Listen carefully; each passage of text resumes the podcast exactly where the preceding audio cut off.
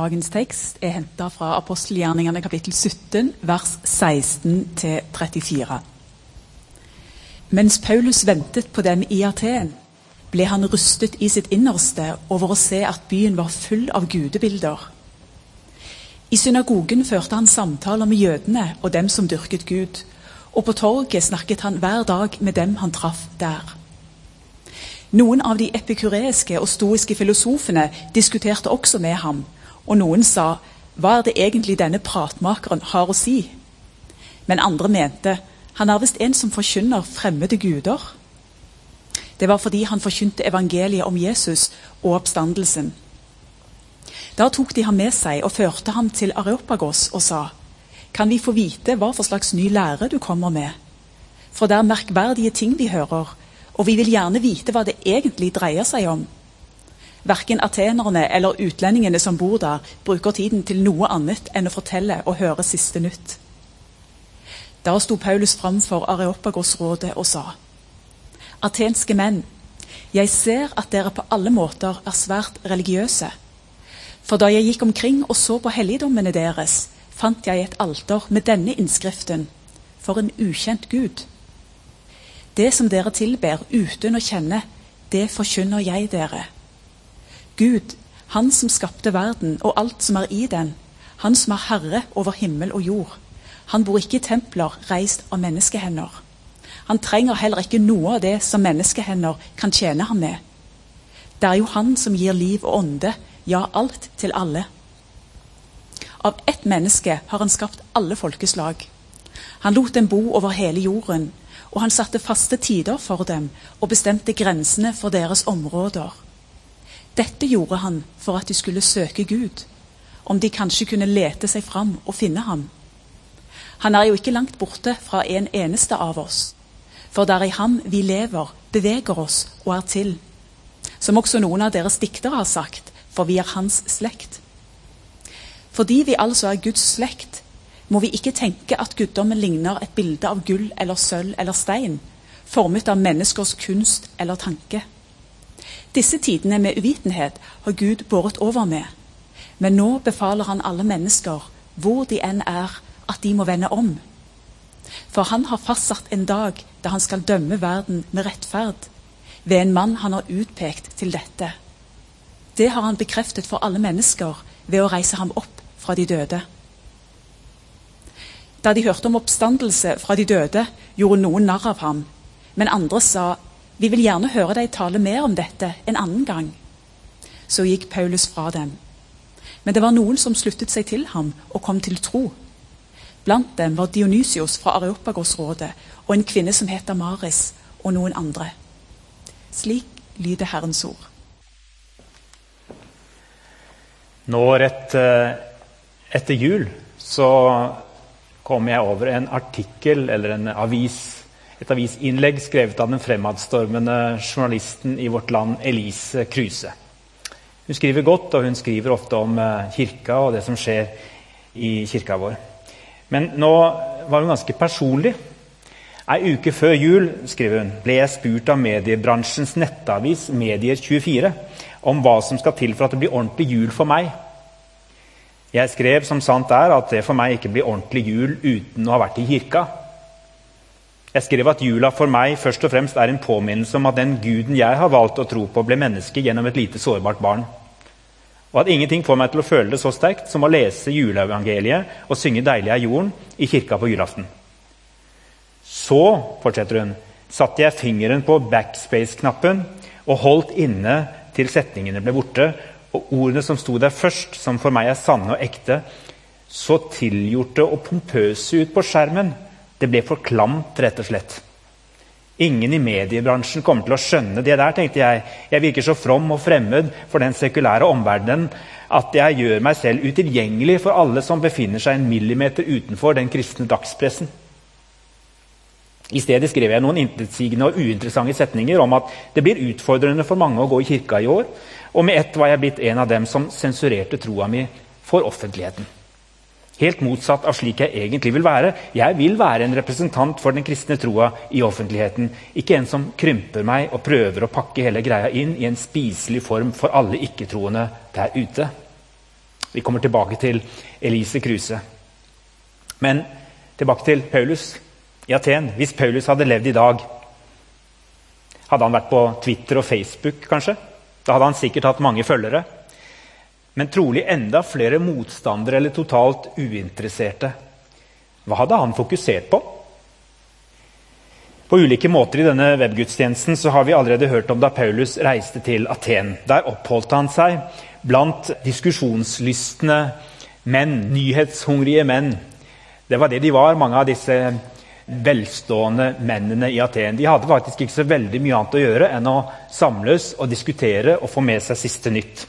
Det gjorde de på dette som heter agoraen, som betyr torg.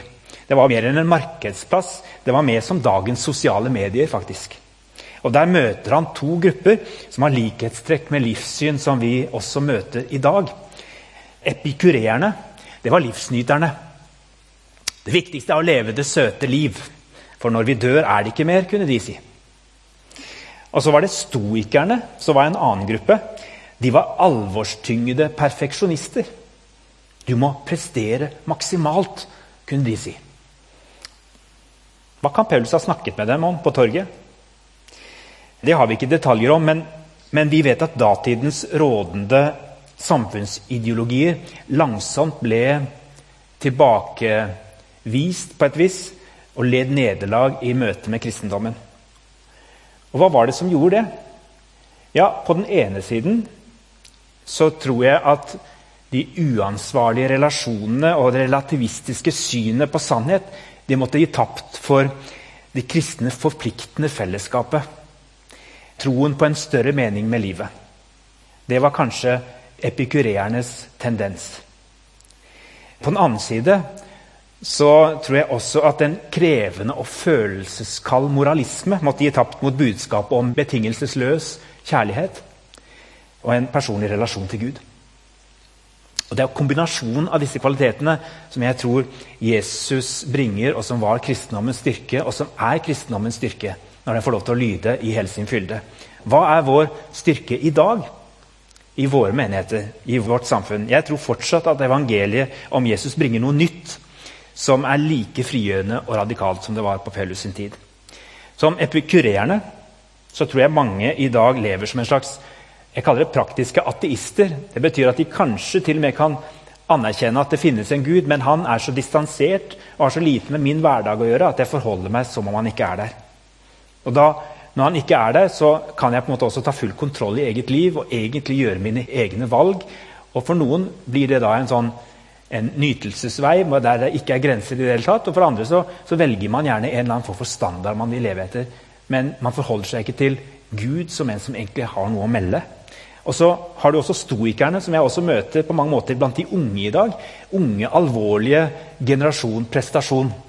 Mange av de unge i dag de tar et stort ansvar både for sitt eget liv og for verden. Og de kan være ganske harde med oss eldre som de mener har en tendens til å glemme at kloden er på vei mot undergang, og at vi er nødt til å ta ansvar, vi er nødt til å gjøre noe med bl.a. miljøet. Og det er beundringsverdig. Noen ganger så tenker jeg senk skuldrene litt og ikke ta livet så alvorlig, dere unge. Det er også et budskap på et vis i dag. Jeg syns det er interessant å se hvordan kristendommen har et ord til begge disse ytterpunktene, som kanskje av og til går over i hverandre. Vi har Jesus. Jeg opplever sannheten i evangeliet som frigjørende. Akkurat sånn jeg tror den omvendte Paulus måtte bli frigjort fra en kanskje veldig lovisk og tung regionsform. Kanskje han kjente seg mye igjen i stoikerne i Aten med sin lærebakgrunn og fariserbakgrunn. Jeg innbiller meg at både stoikerne og Paulus var på mange måter hodemennesker som tok avgjørelser basert på fornuftige resonnementer og ikke bare følelser og opplevelser. Og Det tror jeg Paulus fortsatte med. Jeg tror han har vist at han kunne være i dialog med disse menneskene. Han, han respekterte dem. Han anerkjente til og med mye av det de trodde på.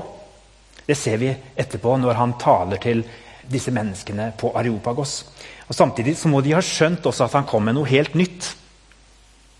For Paulus han fortalte om en gud som ikke er distansert og fjern og ukjent, men som har kommet helt nær oss i et menneske, i Jesus Kristus.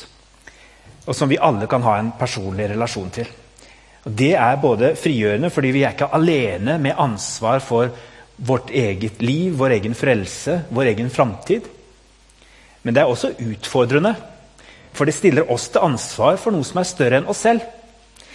En personlig Gud som vi skal møte ansikt til ansikt.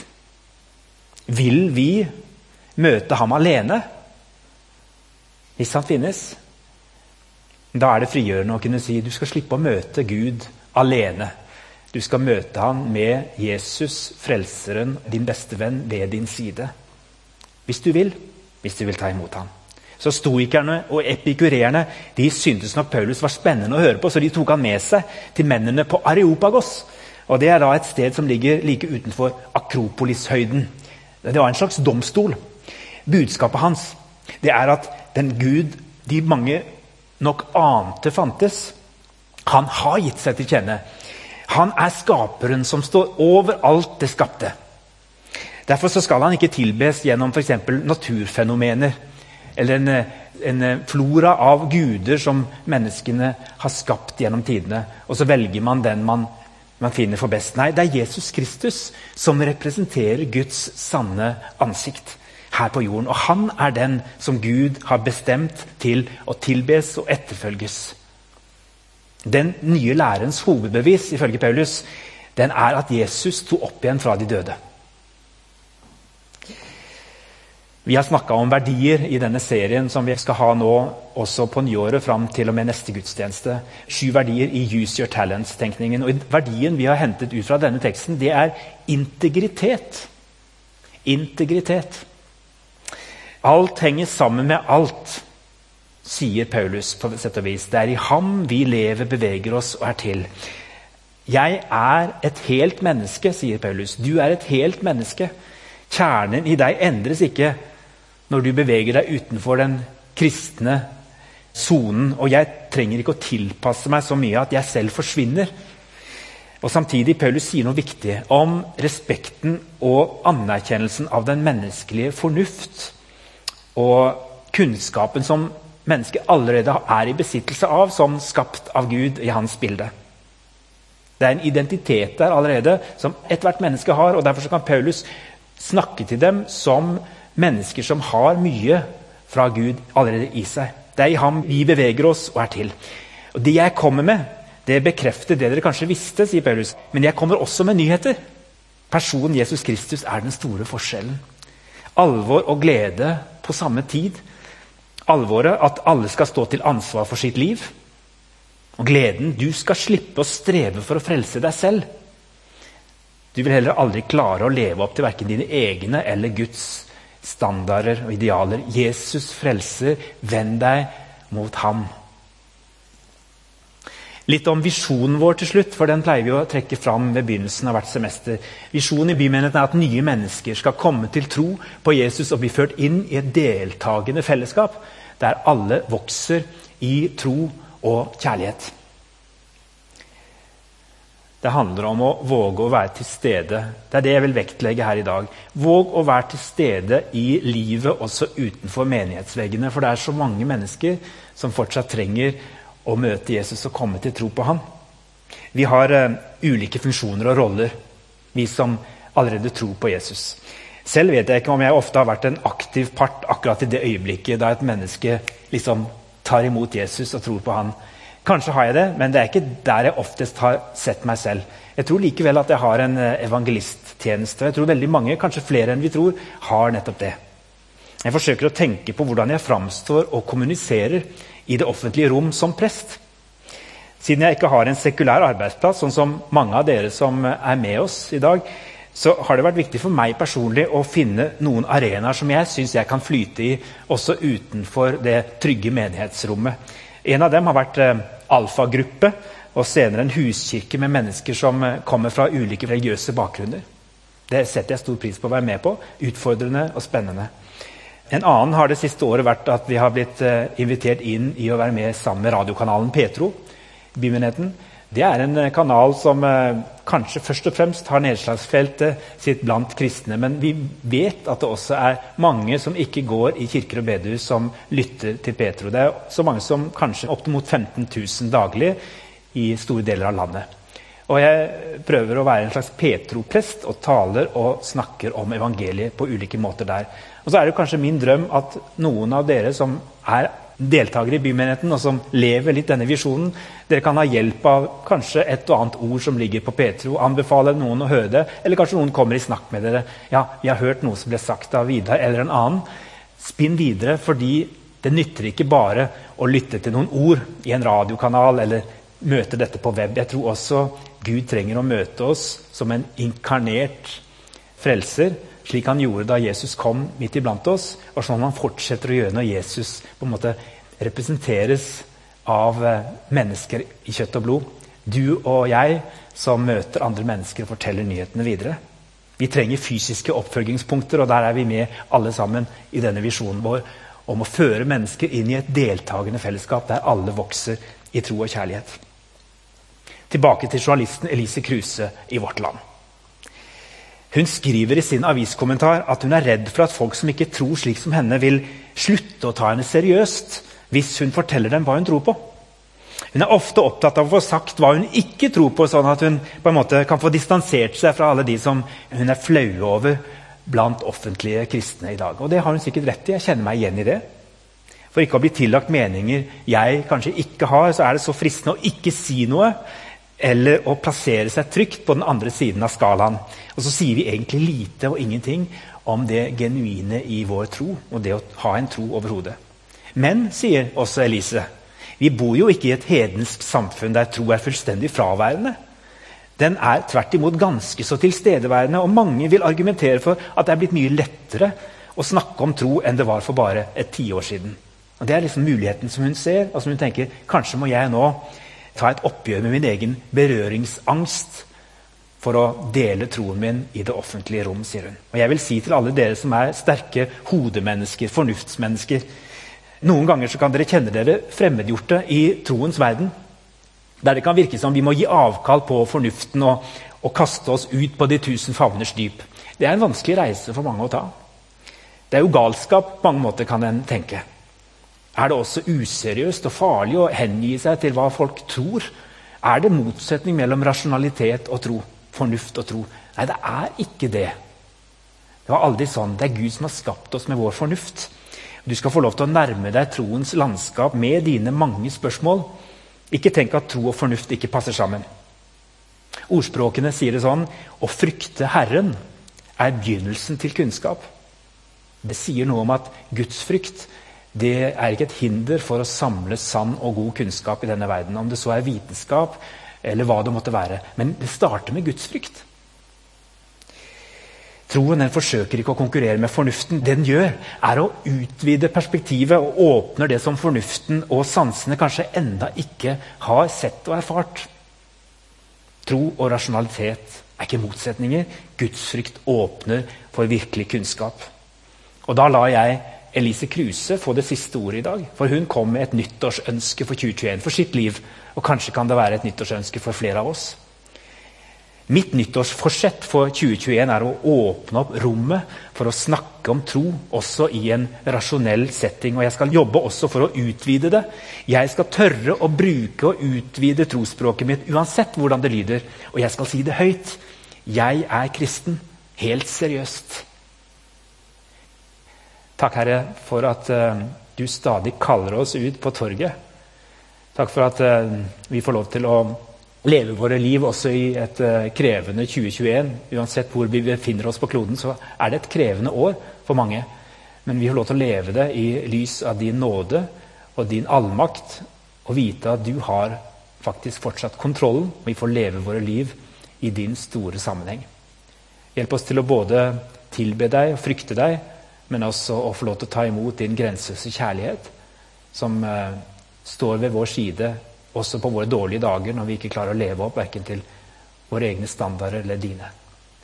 Tilgi oss, gi oss ny kraft, og send oss ut i tjeneste for verden. Amen.